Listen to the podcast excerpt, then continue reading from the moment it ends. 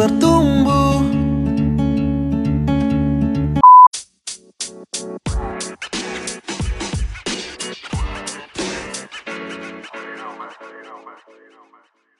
Tumbuh, tumbuh terus bertumbuh.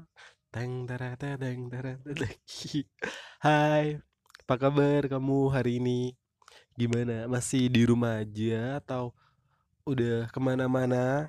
Pokoknya apa pun aktivitas kamu sekarang, mau tetap di rumah aja, mau keluar harus tetap jaga kesehatan, tetap kalau keluar pakai masker, tetap pakai protokol kesehatan, jaga jarak satu sama lain biar pandemi ini segera mereda dan kita bisa pergi yang jauh lagi. Cie.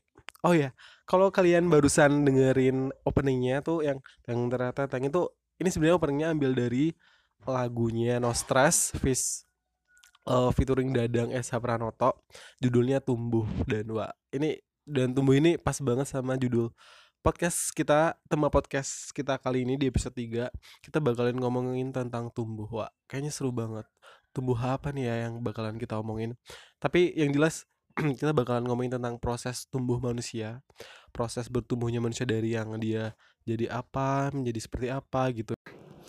Dan kemarin aku udah sempat minta teman-teman buat ikut berkontribusi di podcast aku kali ini tentang aku minta teman-teman buat ikut bercerita mengenai proses bertumbuhnya.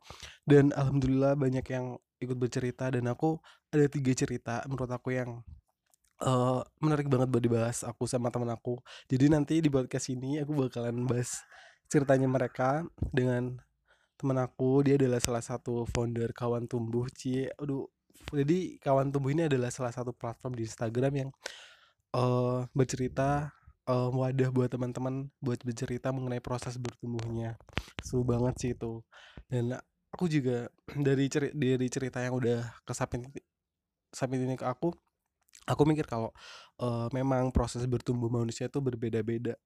Ada yang seperti jalan tol lurus-lurus aja ada yang berlika-liku penuh penuh darah ibaratnya kayak gitu sakit tapi aku yakin semua proses bertumbuh manusia itu uh, adalah jauh lebih berharga dibandingkan hasilnya nanti. Karena dengan dengan dengan proses itu kita jadi bisa lebih menghargai kita bisa lebih menghargai hasil yang kita dapat nanti. Ci, aduh aku bahasanya udah kayak yang motivator motivator gitu ya bahasanya. Tapi tapi beneran dengan kita kita berproses kita bertumbuh seperti itu kita menanam kebaikan kita kita kebaikan di sekitar kita kita bakalan dapat apa namanya dapat kebahagiaan yang uh, tumbuh seperti itu dari hasil yang kita kebaikan yang kita tanam gitu. Dan apa ya ibaratnya tuh kayak benih gitu loh kayak ibarat ibaratnya tuh benih uh, proses bertumbuh seorang beda-beda mengikuti jenis tanahnya kayak bahkan nih di jenis tanah tanah yang sama pun pertumbuhan benih ini tuh beda-beda kayak gitu tapi apa pun proses selamat apa pun proses pertumbuhan kamu harus tetap fokus buat fokus buat berbuah dan berbuah itu adalah dan buah itu nggak lain adalah yaitu yang aku sampaikan tadi adalah kebaikan yang kita tanemin seperti itu. Oh iya aku sampai. Dan di podcast ini kan judulnya uh, menanam kebaikan menumbuh bahagia. Dan ini tuh sebenarnya judulnya ini uh, terinspirasi dari salah satu shop aku suka jadi dia adalah jualan uh, tumbuh-tumbuhan dia uh, ada kaktus seperti itu ada sukulen yang lucu-lucu gitu itu namanya tuh rambut.id kalian bisa cek instagramnya buat kalau misalnya suka tanaman-tanaman gitu kalian bisa beli di situ. Oke. Okay. jadi aku bakalan coba buat bacain cerita yang udah dikirim ke aku.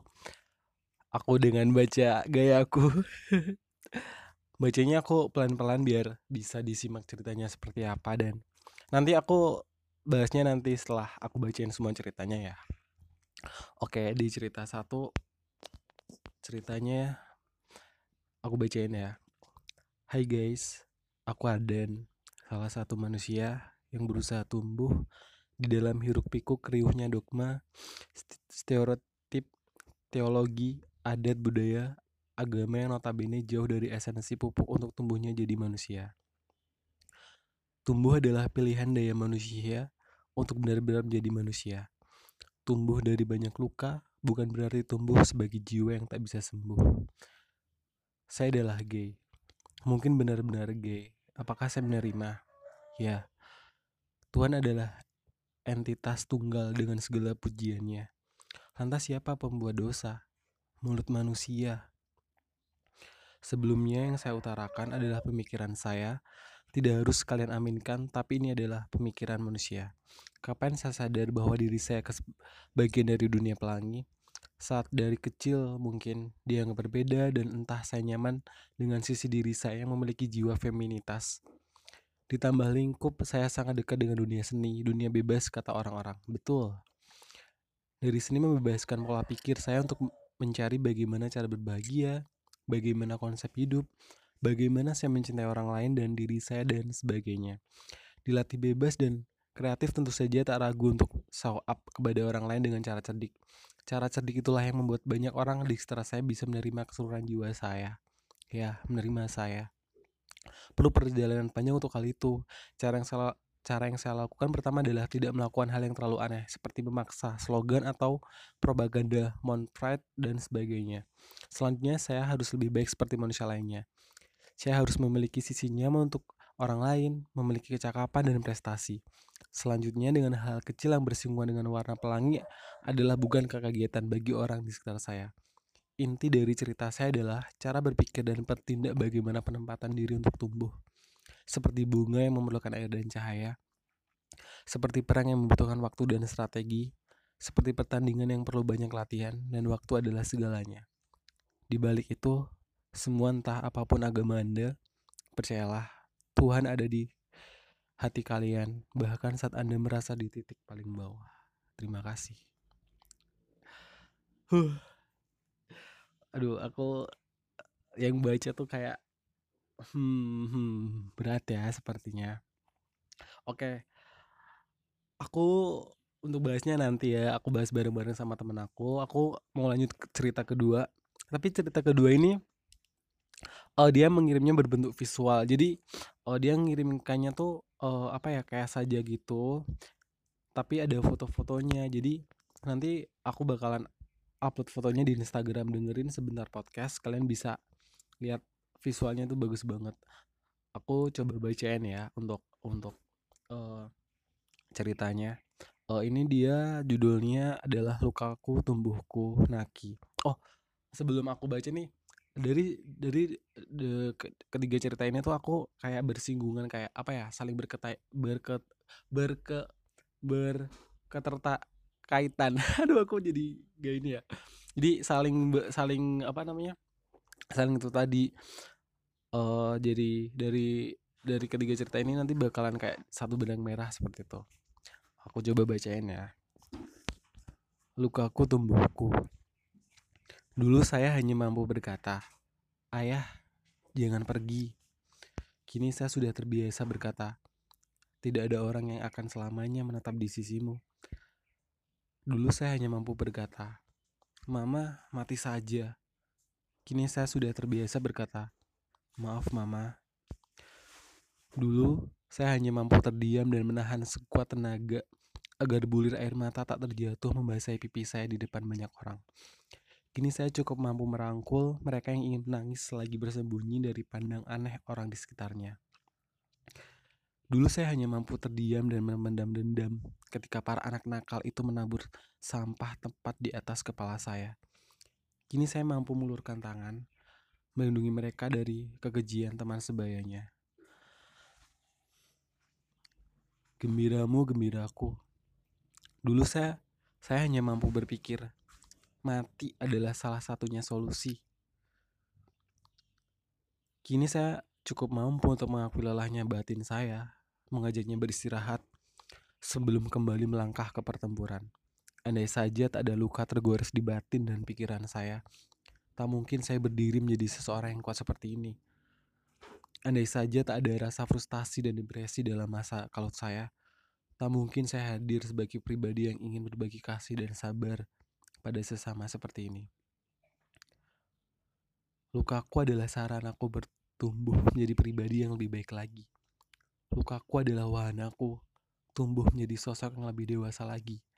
Lukaku, lukamu, bukanlah musuh. Sembuhku, sembuhmu, kita satu. Tangis berikutnya hanya akan jadi tangis bahagia.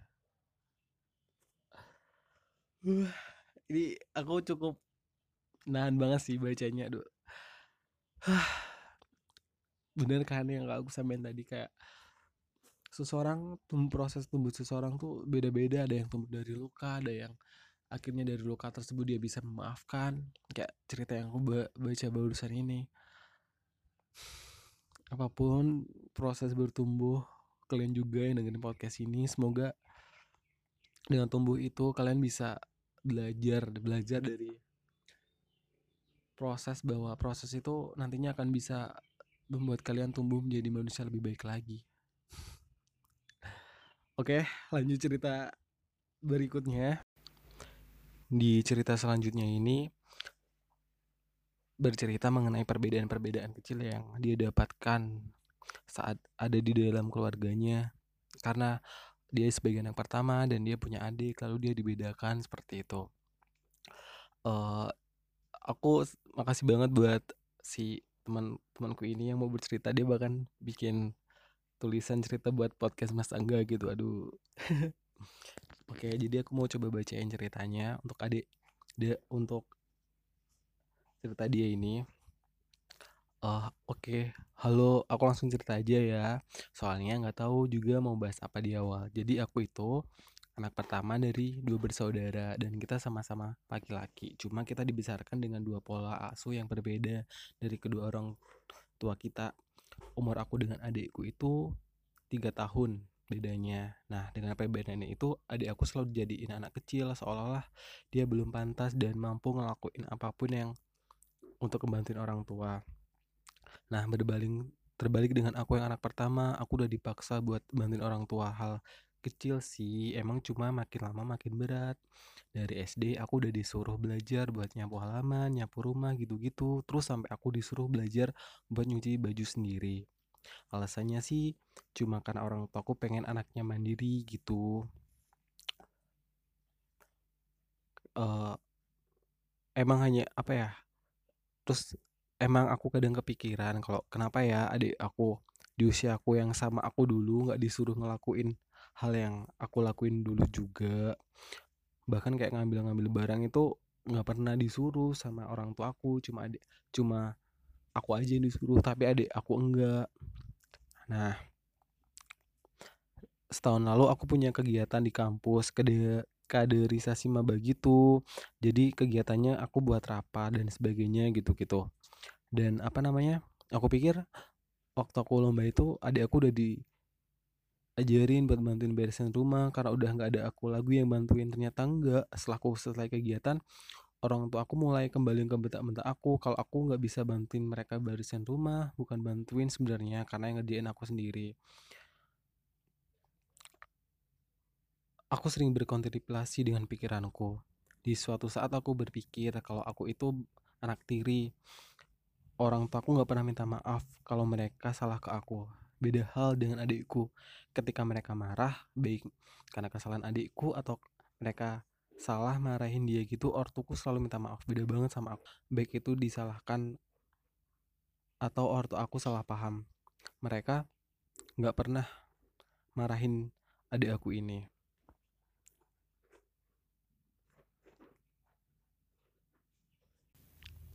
Akhirnya, aku berkesimpulan dari seluruh kontemplasiku bertahun-tahun, apa pun yang terjadi, mereka tetap orang tuaku. Dalam agamaku diberintahkan buat menghormati orang tua. Nah, sekedar menghargai. Karena orang tuaku nggak selalu benar, mereka juga manusia. Apa pun yang terjadi, itu aku maafkan dan nggak menyimpan dendam. Emang gak enak saat kamu makan bareng-bareng, cuma kamu dua yang disuruh ini itu.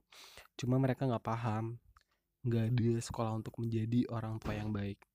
Tapi aku sekarang udah nggak dendam lagi, baik dengan orang tua maupun dengan adikku. Aku mulai belajar menolak apa yang aku nggak mau lakukan. Aku punya kebebasan buat menentukan jalan hidup aku. Apakah aku mau terus berkabung dengan apa yang terjadi atau memaafkan dan berjalan terus mencapai mimpiku.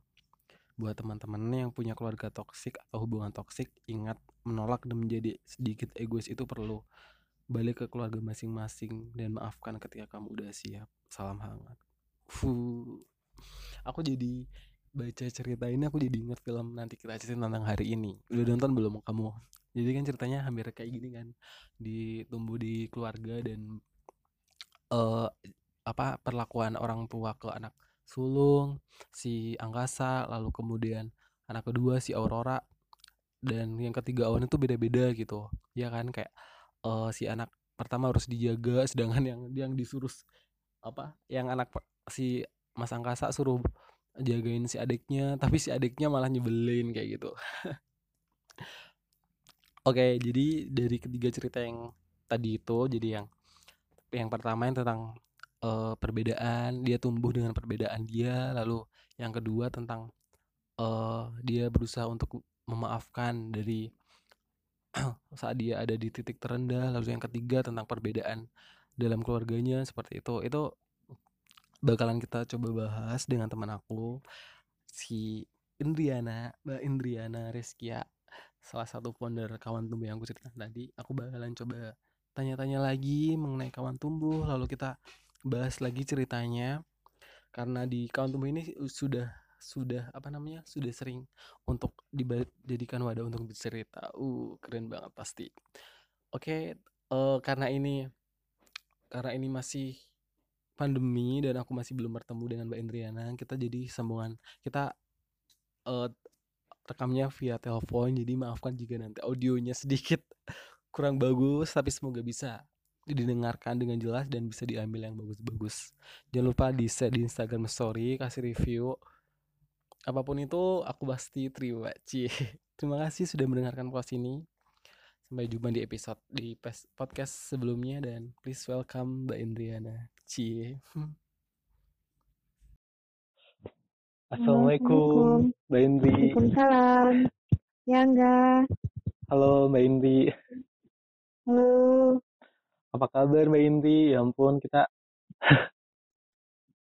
Baik-baik. Nih aku lagi di Padang nih baru lagi isolasi. isolasi karena balik dari Yogyakarta ya? Dari iya, di Jogja ya?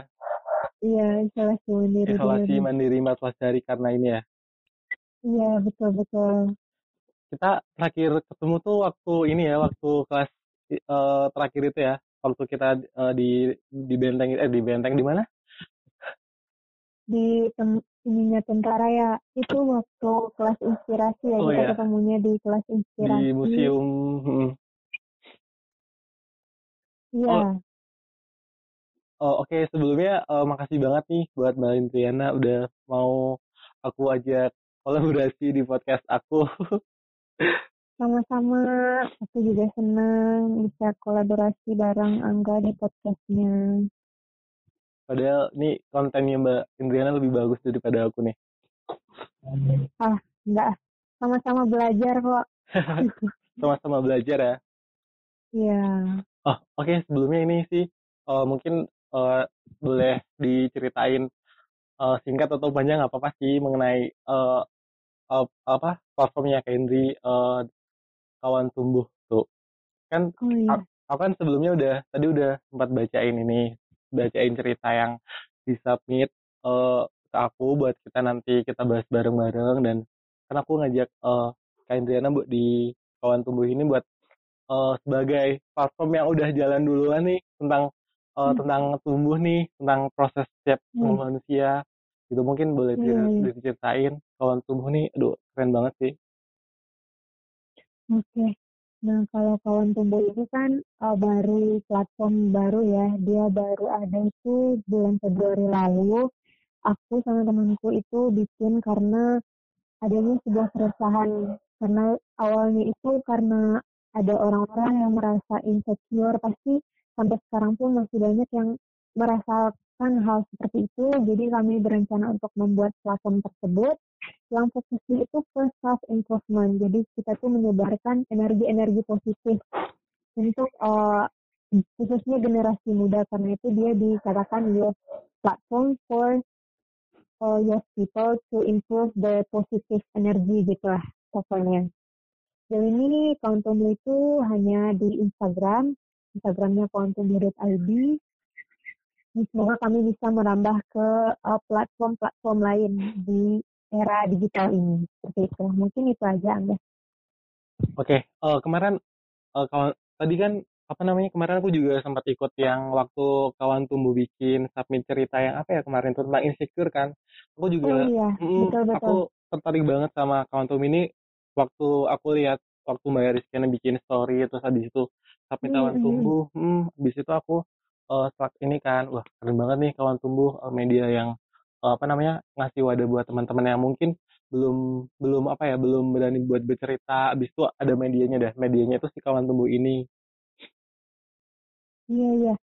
Nah, yang waktu itu kan awalnya ada kawan tumbuh online series dulu kan. Jadi kita kasih tahu edukasi dulu apa sih insecure itu dan bagaimana sih kita tuh mempraktekkan untuk menghindari, uh, bukan menghindari ya, karena insecure itu emang datangnya dari Tuhan dan kita juga kembali untuk mengatasinya tuh juga ke sana gitu kan ya. Lewat bersyukur gitu. Nah, lewat itu setelah teredukasi kita kasih wadah untuk mereka bercerita karena salah satu bagian dari proses healing atau menyembuhkan itu kan adalah lewat menulis. Jadi kami Hmm. putuskan untuk mengambil event writing for healing. Nah kebetulan kami punya buku yang juga uh, terinspirasi dari buku ini juga bukunya bertumbuh Mas Kurniawan Junadi mungkin yang di Jogja itu kenal penulis Mas Kurniawan Junadi buku bertumbuh sebagai hadiah untuk mereka yang uh, ceritanya itu uh, kami akan posting gitu di feed Instagram dan kami kasih buku bertumbuh itu untuk dia. Hmm. Selain cerita yang diposting di Instagram itu banyak banget cerita-cerita yang uh, berbeda dan uh, titik poinnya itu sama yaitu mereka sama-sama berada di titik terendah dan mereka feeling insecure gitu. Jadi mereka tuh ceritakan di wadah itu loh. Oke oke Gitu. oke. Tadi sempat ini apa ada buku untuk uh, dari kawan tumbuh yang itu gimana kak? Boleh di ini lagi? Jadi uh, ada seorang penulis Hmm. bestseller bernama Mas Kurniawan Gunadi itu mereka itu kan uh, Mas Kurniawan Gunadi itu dan teman-temannya bikin sebuah buku bernama judulnya itu bukunya bertumbuh. Jadi di buku itu ada lebih dari satu orang penulis yang menuliskan bagaimana proses bertumbuh dan bagaimana sih uh, hal-hal yang bisa me- membuat kita berada di titik terendah, membuat kita jatuh, atau membuat kita terlalu berada di atas dan kita lupa siapa kita gitu. Jadi di sana itu orang-orangnya cukup kompeten di bidangnya untuk menulis dan semoga dari buku itu orang-orang bisa bertumbuh. Karena itu kami juga terinspirasi untuk bikin kawan tumbuh ini juga dari buku itu tentunya. Keren banget sih. Ini aku juga apa namanya bener banget. Tadi sempat uh, Henry bilang juga kalau menulis itu untuk healing. Zaman sekarang kan kayak termasuk aku pun kadang kalau misalnya kadang uh, misalnya ngerasa tadi itu kayak insecure, kayak apa ya? Kayak uh, masih apa ya? Masih belum masih berani, belum berani buat bercerita. Habis itu aku ngerasa gundah gitu-gitu kayak galau gitu-gitu kan. Tapi Iya, iya, iya. tapi aku nggak tahu nih aku harus ngapain ya biar bisa ngilangin ini nah ternyata dari menulis tadi itu kita bisa menyembuhin nyembuhin apa namanya gundah-gundah itu tadi ya Iya, karena proses healing orang itu emang berbeda-beda ya. Tapi uh, kebanyakan orang, setiap orang pasti bisa menulis. Mereka bisa menuangkan cerita mereka lewat diary, lewat caption Instagram, atau lewat buku nanti mereka mau bikin buku mereka bisa tuangkan itu dalam tulisan. Dan proses healing orang itu yang berbeda-beda itu kadang orang jatuh ke dalam uh, bagian kiri tapi tidak banyak juga yang mau mengarah ke kanan untuk menjadi pribadi yang lebih baik gitu. Karena titik terendah itulah yang akan membantu kita untuk bisa lebih tinggi naik tangganya. Mungkin seperti itu. Bener banget bener banget. Kadang iya ya Eh, kalau dari kalau dari Mbak Indriana sendiri nih kalau misalnya kan eh, buat kawan apa buat platform kawan tumbuh ini kan salah satu media buat teman-teman bantu teman-teman buat healing juga. Hmm. misalnya teman-teman yang eh, belum berani ini untuk belum berani untuk bercerita dan di si di kawan tumbuh ini kan jadi medianya. Nah nah kalau dari Mbak Indriana sendiri ada nggak eh, healingnya bentuk healing yang lain? Mungkin selain menulis kayak kalau kalau kan kalau aku sih healingnya paling apa ya? Aku paling Kalau aku sih podcast ini ya kan? kalau podcast ini sih sebenarnya ini sih eh, biar apa ya? Biar eh, apa ya? Bisa dibilang ini juga sih, bu- bukan healing juga sih kalau aku tuh. Aku lebih suka kalau ngelihat apa ya? Ngelihat video-video yang nyenengin gitu-gitu, lihat Oh, eh, I eh, see, I see. nanam-nanam Iya, iya, iya. gitu-gitu. Oh iya iya iya. Baca-baca iya, buku betul. juga bisa. Kalau Mbak Andriana sendiri Iya, apa nih? Kalau aku yang pertama emang menulis ya. Aku Mm-mm. tulis healing dari aku sendiri atau proses aku membantu healing orang itu lewat menulis. Nah, yang kedua itu aku suka eh, gimana ya? Mungkin aku nggak terlalu bisa desain ya, tapi kayak aku bikin eh, feed rapi gitu dan Hmm. tertata, terus aku desain sendiri, terus aku bikin mind map lewat apa yang aku dapat gitu dan aku post di Instagram. Itu juga bagian dari healing aku gitu. Jadi jadi apa yang aku tulis di Instagram itu tuh kayak eh, apa yang aku lihat, apa yang aku alami dan apa yang or- orang ceritakan ke aku. Jadi mungkin itu juga proses healing aku. Aku juga suka tuh nonton di YouTube, aku nonton yang lucu-lucu juga itu. Iya emang kayak Ini- orang banyak yang beda-beda tipe ya. Ada yang tipe Iya sih. visual, ada Hmm. yang tipe maunya ke alam, nanam-nanam Mm-mm. gitu kan ya. Bener banget, bener Iya banget. betul betul betul. Ini feed dari Instagramnya kawan tumbuh berarti desainnya dari Mbak Andriana sendiri. Bagus nih. Bukan bukan.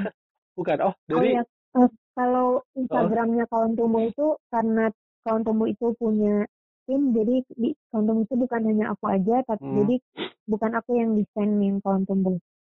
keren banget sih. Udah ada timnya sendiri. Iya. Oh, oh ya. Karena setiap Hmm. jalan itu butuh partner ya. Kalau Iya. kita nggak ada partner tuh cenderung goyangnya itu lebih Lebih lebih- ini ya. Bener bener lebih bener bener. lebih sering. Bener bener bener mungkin. bener bener. Jadi harus bareng-bareng. Terus oh ya di kan aku kemarin juga sempat ini nih apa namanya? Eh aku sebenarnya ngikutin kawan tumbuh juga nih sih buat eh samping cerita kayak kemarin kan kalau Hmm, hmm. dari kawan dari kawan tumbuh kan tentang bercerita tentang insecure kayak gitu kan. Aku juga Iya iya iya. ikut kayak gitu cerita kalau aku Iya. dulu aduh kayaknya udah tahu kan ceritanya kan Iya, aku baca, aku yang baca ceritanya.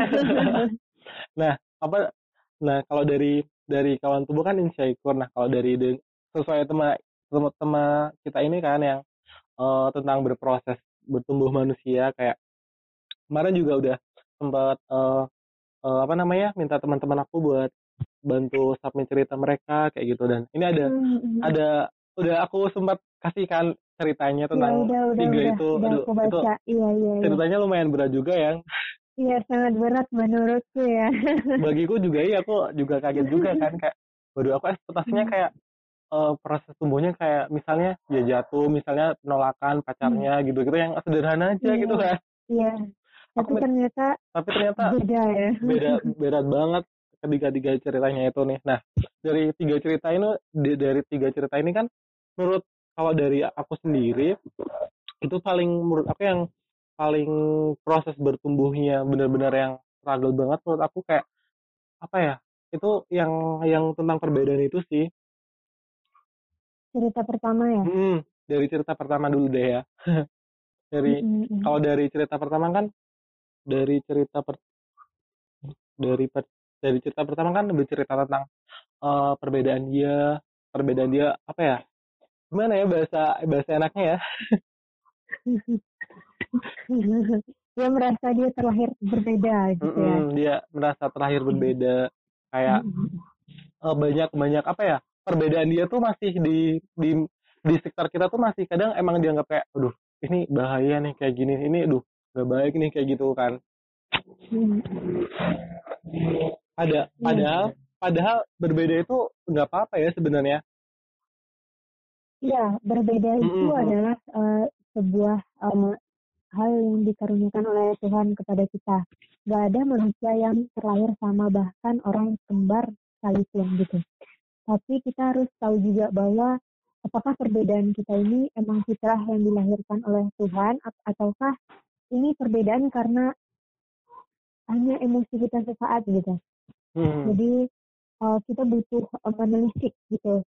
Apakah ini perbedaan yang wajar ataupun tidak wajar. Nah, kalaupun tidak wajar, ke mana kita akan berlari? Nah, kita butuh tempat yang tempat untuk bercerita karena manusia itu pasti hubungan vertikalnya ke manusia lain mereka butuh karena mereka makhluk sosial. Jadi ketika kamu merasa berbeda, yang pertama adalah kamu harus yakinkan dirimu bahwa oh ini aku terlahir seperti ini. Yang kedua, kamu butuh tempat untuk bercerita, jangan dipendam sendiri karena ketika kamu pendam sendiri, ya kamu hanya berasumsi dan berdialog dengan dirimu sendiri. Tapi ketika kamu bercerita kepada orang yang kamu percaya, kamu akan menemukan tempat untuk didengar dan tempat untuk uh, bercengkrama dan uh, saling memberikan solusi. Mungkin seperti itu.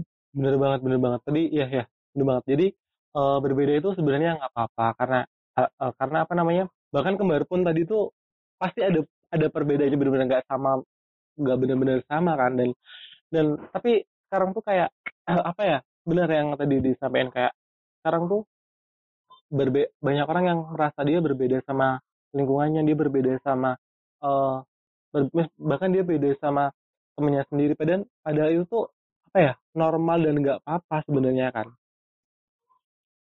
Iya, uh, ketika kamu mm -mm. berbeda dalam hal kondisi uh, ya yang lain kayak prestasi dan sebagainya hal-hal lain gitu ya nggak apa-apa karena setiap orang tuh punya jalan ninja yang berbeda gitu. Mereka punya uh, struggle tertentu dan kamu juga punya perjuanganmu sendiri gitu. Yang penting kamu tetap berada sebagai citramu sebagai manusia. Pokoknya intinya seperti itu gitu. Benar-benar dan dan apa namanya salah apa ya kita tuh nggak salah kalau kita ber, kita tuh nggak salah kalau kita berbeda. Bahkan dan justru dari, perbedaan itu kita bisa jadi satu gitu nggak sih iya jadi aku tuh pernah uh, dengar hmm. uh, dokter Aisyah Dahlan. Jadi beliau hmm. ini adalah uh, neuroparenting sekaligus beliau juga sering uh, berhubungan dengan kasus-kasus narkoba dan uh, LGBT seperti itu dan hmm. beliau tuh sering mm, membicarakan tentang masalah otak. Jadi hmm. otak perempuan dan otak laki-laki ini sudah terlahir bukan dari lingkungannya tapi dari uh, yang pemilik power di atas manusia gitu ya itu Tuhan mm-hmm. dan dari otak itulah terlahir uh, pola pikir cara bersikap dan bahasa serta uh, hal-hal yang berbeda seperti itu jadi ketika terjadi perbedaan mungkin perbedaan itulah yang membuat kita bisa hidup uh, lebih nyaman lebih kalau kita sama-sama aja mungkin hidup kita nggak terflat dan tidak tidak terlalu asik lah mungkin. Jadi Tuhan tuh udah mendesain sedemikian rupa yang Sebe kita tuh hmm, kalau kita rupa. lihat ya kalau kita lihat lagi kita telisik lagi dan kita ambil pelajaran pasti kita tuh bakal ngira ya ampun ternyata indah banget ya perbedaan itu gitu. Bener banget bener banget kayak kita udah di, di misalnya kita udah di uh, diciptakan sedemikian rupa kalau apa ya dan kamu harus menerima perbedaan ini seperti itu. Iya betul. Dan dari dan ini kan menyambung dari nyambung ke cerita cerita setelahnya ya cerita yang cerita yang kedua kan. Kadang hmm. ada juga yang uh, apa namanya dari perbeda dari karena dia merasa kalau dia berbeda kayak gitu dia nggak nerima dirinya sendiri dan dan apa namanya dia belum punya teman buat bercerita tentang keadaan dia dia jadi ke apa namanya bisa jadi karena sebab itu dia bisa uh, titik terendah kayak di cerita yang kedua di hmm. di kedua kan dia ber, apa namanya pendek sih ya ceritanya kayak berupa saja hmm. gitu hmm, tapi tapi apa namanya di situ dia uh, kayak uh, ceritain kalau dia tuh berada di titik terendah iya iya nah eh, setiap manusia tanpa terkecuali yang paling uh, besar pencobaannya itu dan yang paling ringan itu kan tergantung uh, keadaan mereka ya itu pasti pernah memiliki kondisi di mana dia berada di titik terendah hmm. di mana dia merasa dia itu bukan apa-apa dia nggak bisa apa-apa apalagi nanti dipengaruhi sama itu hanya dari asumsinya yang pertama apalagi jika dipengaruhi dengan keadaan digital sosial media kotak persegi empat yang dia lihat tuh orang-orang udah iya ya perkembangannya udah dia udah begini dia udah begitu nah aku masih di sini sini aja begitu kan. Dan itu tambah rendah lagi. Padahal sebenarnya setiap manusia itu sebenarnya titik terendah mereka masing-masing. Perbedaannya adalah mereka mau tidak bangkit dari titik terendah itu dan uh, mau tidak mengambil pelajaran di titik terendah itu. Jadi sebenarnya titik terendah itu adalah level kamu untuk bisa naik lagi gitu. Ibaratnya sebuah game, level satu pasti tantangannya uh, mudah gitu. Level 2 ditingkatkan tantangannya, level 3 tantangannya lebih ditingkatkan lagi. Dan yang pasti rumusnya adalah tantangan itu pasti kamu bisa sanggup melewatinya. Itu udah rumus pastinya gitu. Hmm, Jadi kamu cuma butuh percaya sama dirimu. benar benar benar benar. Benar. Kadang proses apa namanya proses buat uh, dari titik terendah menuju titik uh, berada di titik lagi dia inginkan kayak itu tuh harus Hmm. harus harus harus apa namanya harus dia harus melewati step-step yang dari level pertama level kedua dan itu memang kadang kadang kadang nggak mudah tapi itu harus dilewati kayak gitu kan Iya, karena ya dunia akan tetap berputar, waktu akan tetap berjalan dan Iya. kamu juga harus tetap dan kamu harus tetap alive bersama dengan uh, tubuhmu. kamu harus tetap bertumbuh dengan kalau karena kalau misalnya kamu tetap kamu tetap di berada di titik itu kamu bakalan yang lain misalnya yang lain udah misalnya kita buka bikin garis bikin garis kan dari titik dulu kan ya dari titik Iya, misalnya dari dia dia masih tetap di titik itu sedangkan yang lain udah sampai Hmm. garis lurus udah udah belok belok Hmm. belok belok tapi dia masih tetap di situ dia akan nggak eh, garis itu nggak akan jalan seperti itu Betul, ibaratnya Iya, betul. Sama kayak di bukunya Mark Manson itu ya, Hmm. ada sebuah pernyataan di mana kamu itu milih mau jadi ikan yang ngelawan arus atau kamu milih yang oh ikutin alurnya aja lah, nikmatin aja lah ini gitu. Kalau lawan arus kan tantangannya tuh usahanya lebih berat ya. Hmm. Usahanya lebih berat karena tantangannya pasti lebih lebih berat ya. Tapi kalau kamu ngelawatin arus, kamu cuma dua gitu katanya. Yang pertama itu sampah, yang atau yang kedua ya kotoran gitu. Yang cuma ikutin arus gitu. Dan yang penting inti dari hal itu adalah ya kamu harus menghadapi itu gitu. Jangan kamu eh, lew- jangan kamu juga kamu harus menaklukkannya. Jangan tantangan yang menaklukkan kamu, tapi kamu yang menaklukkan tantangan itu gitu. keren banget sih ini kalau ini ini kalau misalnya yang dengar tuh aduh ini kata-katanya bisa dijadiin kreator Instagram nih Ngutip dari buku orang. Iya, iya. tapi tapi Dan- keren banget sih kan bang Hmm. Kayak apa namanya dan eh, di apa ya namanya kan proses bertumbuh seseorang beda-beda kayak gitu kan. Tadi contohnya adalah iya, eh, apa namanya dia bisa jadi eh, titik terendah di situ tadi ada yang berbeda kayak gitu kan. Nah dan Hmm. pasti apa namanya proses bertumbuh seseorang kan beda-beda nggak nggak ada yang ada yang proses bertumbuhnya ya tadi itu kayak yang satu udah yang satu udah eh, santai-santai aja kayak gitu. Tapi dia udah ngerasa dengan santai-santainya itu kayak dia udah di titik ini udah aku di titik ini tuh aku udah udah udah Hmm. berjuang banget. Tapi ada juga di ad- ada juga yang lain benar-benar yang struggle benar-benar yang apa ya ibaratnya tuh ngos-ngosan benar-benar yang lari ngos-ngosan tapi di situ dia kayak aduh ini aku udah sampai belum ya? Aku udah sampai belum ya? Kayak gitu. Iya, karena sebenarnya kita nggak tahu sepenuhnya bagaimana perjuangan orang. Kayak kayak eh, gunung es gitu kan? Hmm. di lautan gunung es yang kita lihat dari atas itu kan gunung es itu cuma seperempatnya. Tiga perempatnya itu tenggelam di di bawah, laut. di bawah. jadi kita nggak tahu gimana perjuangan orang. Jadi kita tuh fokus aja dengan diri kita dan fokus apa yang bisa kita kendalikan perjuangan kita sikap kita itu yang bisa kita kendalikan tapi yang nggak bisa kita kendalikan omongan orang status orang, pokoknya yang orang-orang apa benar itu kita nggak ini nggak usah peduliin ya. Kita fokus pada apa yang telah yang dan bisa kita kendalikan. Benar, karena benar. yang nggak bisa kita kendalikan itu nggak akan Tuhan pertanggungjawabkan ke kita.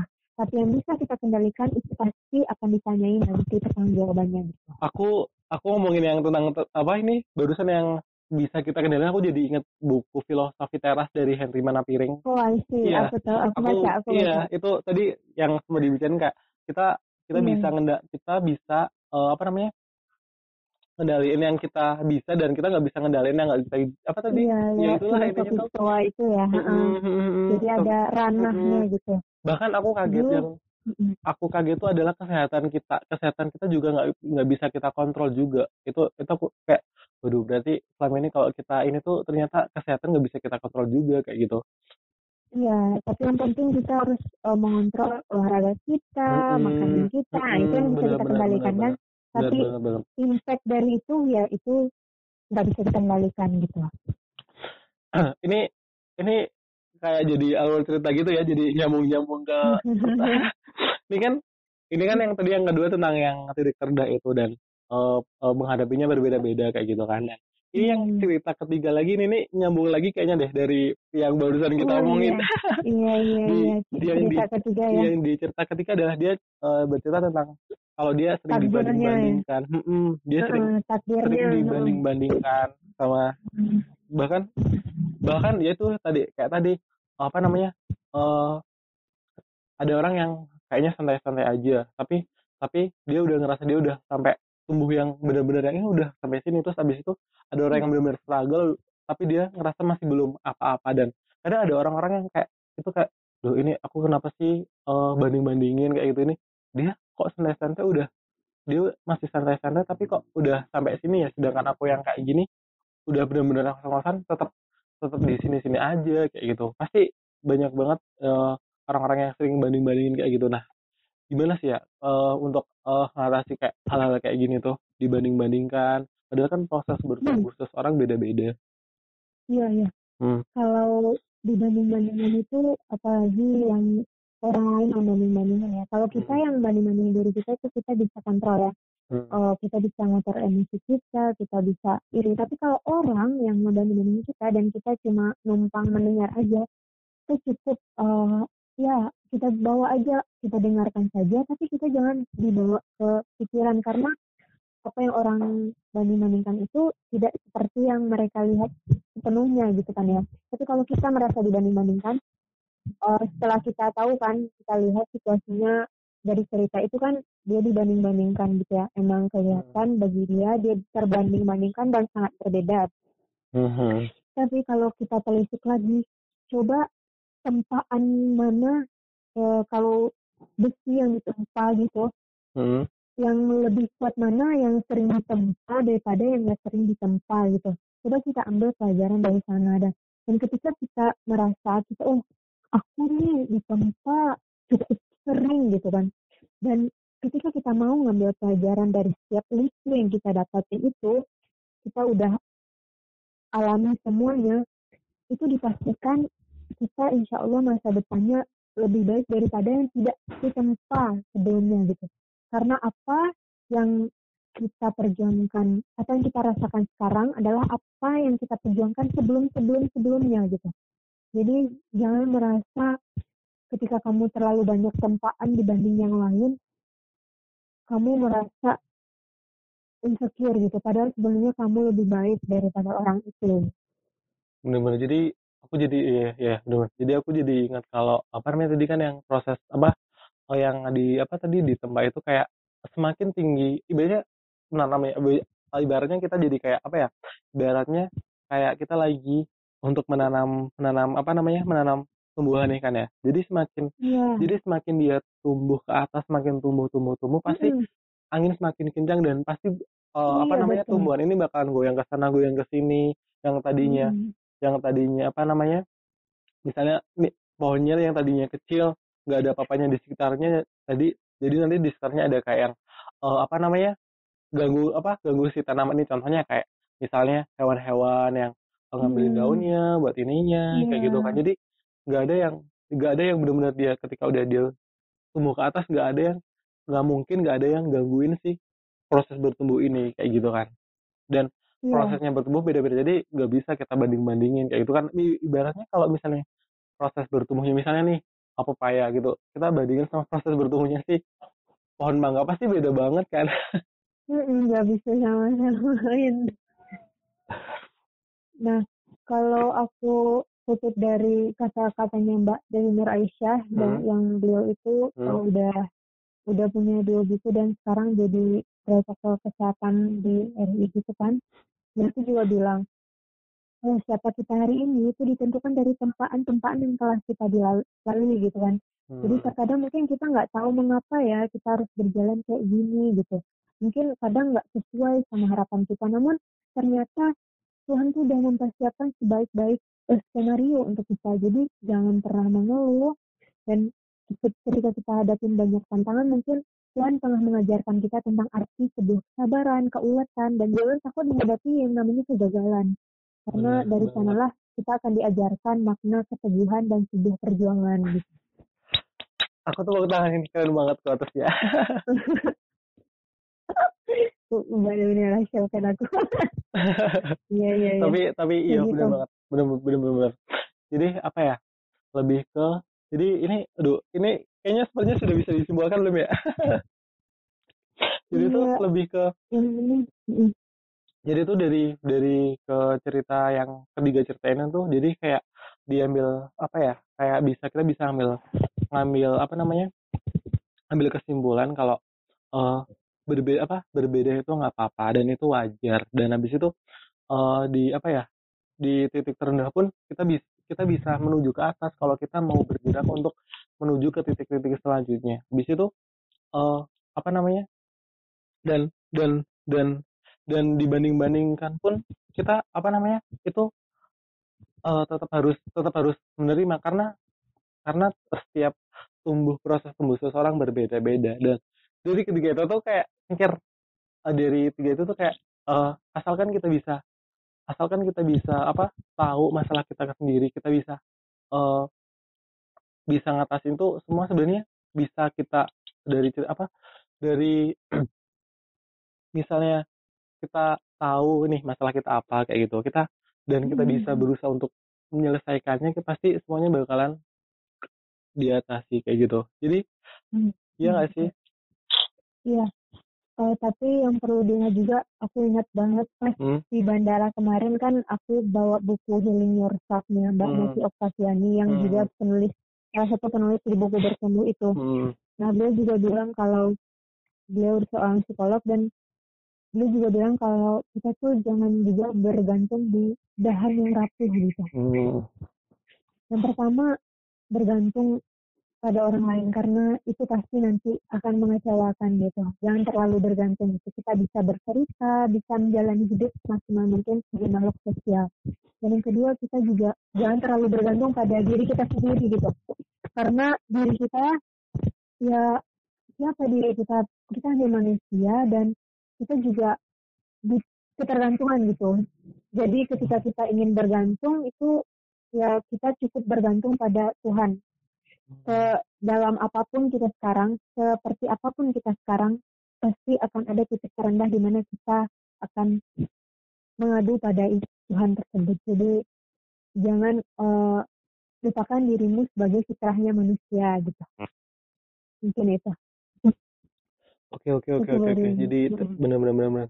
Dan ini ini jadi ini jadi bisa jadi judul ini jadi apa namanya sesuai dengan apa ya kesimpulannya jadi bisa kayak eh judul podcast ini sih mena, apa menanam baik menumbuh bahagia. Dan yang intinya adalah eh, asalkan kita bisa apa ya kita tahu pot- potensi kita sendiri kita tahu Mm-mm. batasan kita sendiri kita bisa eh, tahu eh, tahu bagaimana kita menghadapi kita sendiri. Itu bisa jadi bisa jadi itu adalah eh, tanaman kita. Kita bisa nanam itu buat untuk ke- kebaikan kita dan dari dari hal-hal kecil itu kita bisa untuk menumbuh bisa untuk menumbuh kebahagiaan yang bakalan kita dapatkan Iya. nanti iya nggak sih Iya betul. Kan waktu itu ada past, present, dan future ya. Jadi ketika sekarang kita tuh berada di kondisi present dan past itu adalah sesuatu yang udah berlalu yang nggak perlu diungkit-ungkit lagi. Dan kamu udah menanam banyak hal setelah itu. Tapi kamu tidak tidak perlu eh, takut karena masih ada present dan future. Jadi di saat present inilah kamu tanam kebaikan-kebaikanmu, usaha-usahamu, kamu tanam dengan baik agar di future nanti kamu bisa tumbuh dengan bahagia. Gitu. bener banget bener banget aku jadi ingat aku jadi aku jadi ingat apa ya kuotasi apa ya kayak quote apa gitu jadi kamu mendapat apa ya ini kayaknya di- jadi ini salah satu eh di Al-Quran juga sih kayaknya apa yang kamu dapatkan eh apa yang kamu apa yang apa sih ya apa yang kamu tanam adalah yang, yang kamu dapat gitu lah ya Iya, Ada nggak ya kayak gitu Ya, tuh? menurut Aku kita ingat. tuh nggak manusia itu tidak akan uh, Allah rubah kecuali dia yang merubah sendiri Nah, apa yang itu benar benar benar benar. dia usahakan itu dia dia bantu dirinya Nah, untuk benar, menjadi benar, benar, yang benar. lebih baik gitu. Benar benar termasuk dengan menanam kebaikan tadi itu. Asalkan Iya, kita betul. tanam-tanam semua kebaikan dan tanam kebaikan tuh nggak harus maksudnya nggak harus dengan nggak harus dengan manusia juga bisa juga kita nanam kebaikan dengan misalnya kita kayak apa namanya eh ngasih makan ke Makhluk kucing lain, uh, Mm-mm, kita Iya betul. kita apa namanya bikin eh buat buat apa namanya tumbuhan kayak gitu kita nanam nanam di Iya mana kayak tumbuhan gitu gitu kan. bikin Iya pohon kayak gitu betul betul sekali. Banyak sekali hal-hal kebaikan yang tidak terekam juga oleh kotak persegi empat yang bisa kamu lihat di sekeliling Mm-mm. kamu sebenarnya kebaikan itu sangat dekat sebenarnya. dan contohnya dan yang dan kalau ada apa dan nanti dari kita nanam-nanam itu kita bisa jadi dapat kebahagiaan yang apa ya nggak kita sadari itu adalah hasil dari kita tanam-tanam itu tadi Iya betul. Kalau- dan yang contoh paling dekat dari kalau dari Mbak Indriana ini adalah ya tadi itu kita bikin podcast kita bikin apa namanya eh, platform kawan tumbuh dan menjembatani teman-teman Hmm. buat bercerita itu juga salah satu dari hal tadi itu menanam kebaikan Iya. menanam baik menumbuh bahagia uh Iya. Hmm, betul betul. Oke, eh ini apa namanya? Udah ini banget ya. Aku makasih banget buat Mbak Indriana udah mau bercerita mengenai mengenai kawan tumbuh. Habis itu kita bahas bareng-bareng ceritanya yang udah eh, sampein ke aku. Sama-sama Angga, aku dan Angga pun juga sedang dalam fase bertumbuh Mm-mm, dan sama dengan teman-teman lain. Jadi kita sama-sama belajar dan sama-sama menjadi pribadi yang lebih baik. Ketika kita berada di titik yang down itu nggak apa-apa. Yang penting kita bisa menghadapinya dan kita jangan takut untuk menghadapinya. Itu Bener banget. Karena dengan bertumbuh itu kita bisa jadi menuju ke tempat yang kita pengenin gitu. ya, Eh, eh terakhir deh mungkin ini bisa di, ini lagi eh, untuk kawan tumbuhnya di ini maksudnya ke depannya nanti bakalan mungkin ada proyek yang kayak tadi itu dari apa bikin cerita dari eh, Oh iya, followersnya betul, kayak gitu betul. mungkin ada proyek lain Oh nggak iya, atau iya bikin betul podcast banget. juga nanti Iya iya. Eh, untuk sekarang sih kawan tumbuh kan punya program yang namanya surat tumbuh. Itu Mm-mm. tuh pesan positif yang disampaikan setiap hari Jumat. Mm-mm. Nah kebetulan Insya Allah kami akan eh, mencari kontributor untuk surat tumbuh. Jadi ketika teman-teman ingin menulis dengan batch per batch ya, batch itu ditentukan dari tema tulisannya. Ketika teman-teman ingin menulis dan menuangkan tulisannya, nanti akan di kami posting di feednya Instagram kawan Instagram tumbuh dan ID ya kawan ya kawan tumbuh.id dan nanti akan ada benefit-benefit lain yang teman-teman dapatkan ketika teman-teman mau menulis dan healing di kawan tumbuh gitu. Uh. Mungkin itu program terdekatnya kawan tumbuh. keren banget sukses buat kawan tumbuh makasih ini makasih banget bener-bener makasih banget yang Iya, Angga sukses Aduh. juga buat podcastnya nih. podcastnya masih yang masih masih baru ngajak-ngajak ini berani-beraninya Kita sama-sama newbie sebenarnya loh. apa-apa kenapa Kita sama-sama newbie yang berusaha untuk Iya. tumbuh lebih baik gitu kan ya. kita Biar jadi bahagia. iya kita jadi kawan tumbuh beneran ini ya Iya. Beneran bener betul. oke mungkin eh, cukup itu aja dari misalnya eh, dari aku aku pokoknya terima kasih banget banget banget udah mau diajak ini aduh semoga kita bisa apa namanya eh, ketemu di project lain lagi aduh project Iya. kayaknya udah besar Iya, banget ya kan ngomongin kita project iya iya. iya project. kayak udah Siap, gede banget siap. ya project ya Enggak kok. Setiap ini bisa kok di link project ya. eh, Oke, terakhir lagi. Mungkin ada ada satu nggak? Ah, tadi kan aku uh, jimak dari percakapan ini Mbak Diana tuh baca-baca buku dan banyak banget eh, quotes-quotes yang didapat. Nah, kalau dari percakapan yang kita buat tadi ada nggak sih satu kalimat yang kesimpulan gitu? Satu quotes ding deh gitu deh. Ada nggak? Jadi Oh, buat penutupan nih. close- Close statement gitu ya. Hmm, hmm, hmm. Eh, jadi mungkin setiap detik, menit, jam hingga dimensi waktu tertinggi kita terus belajar untuk menjadi lebih baik. Ya beruntunglah bagi kita yang mau mengambil pelajaran atas setiap tempaan yang telah kita lalui dan jangan pernah takut untuk menghadapi kegagalan karena Tuhan telah mengajarkan kita untuk menjadi manusia yang lebih baik dari sebelumnya. Mungkin itu. Yeay, makasih Mbak Indriana. Ya, Good luck terima proyek kasih. selanjutnya. Ya, Dadah. ya, Sobat. Terima kasih. Sama-sama. Assalamualaikum. Waalaikumsalam.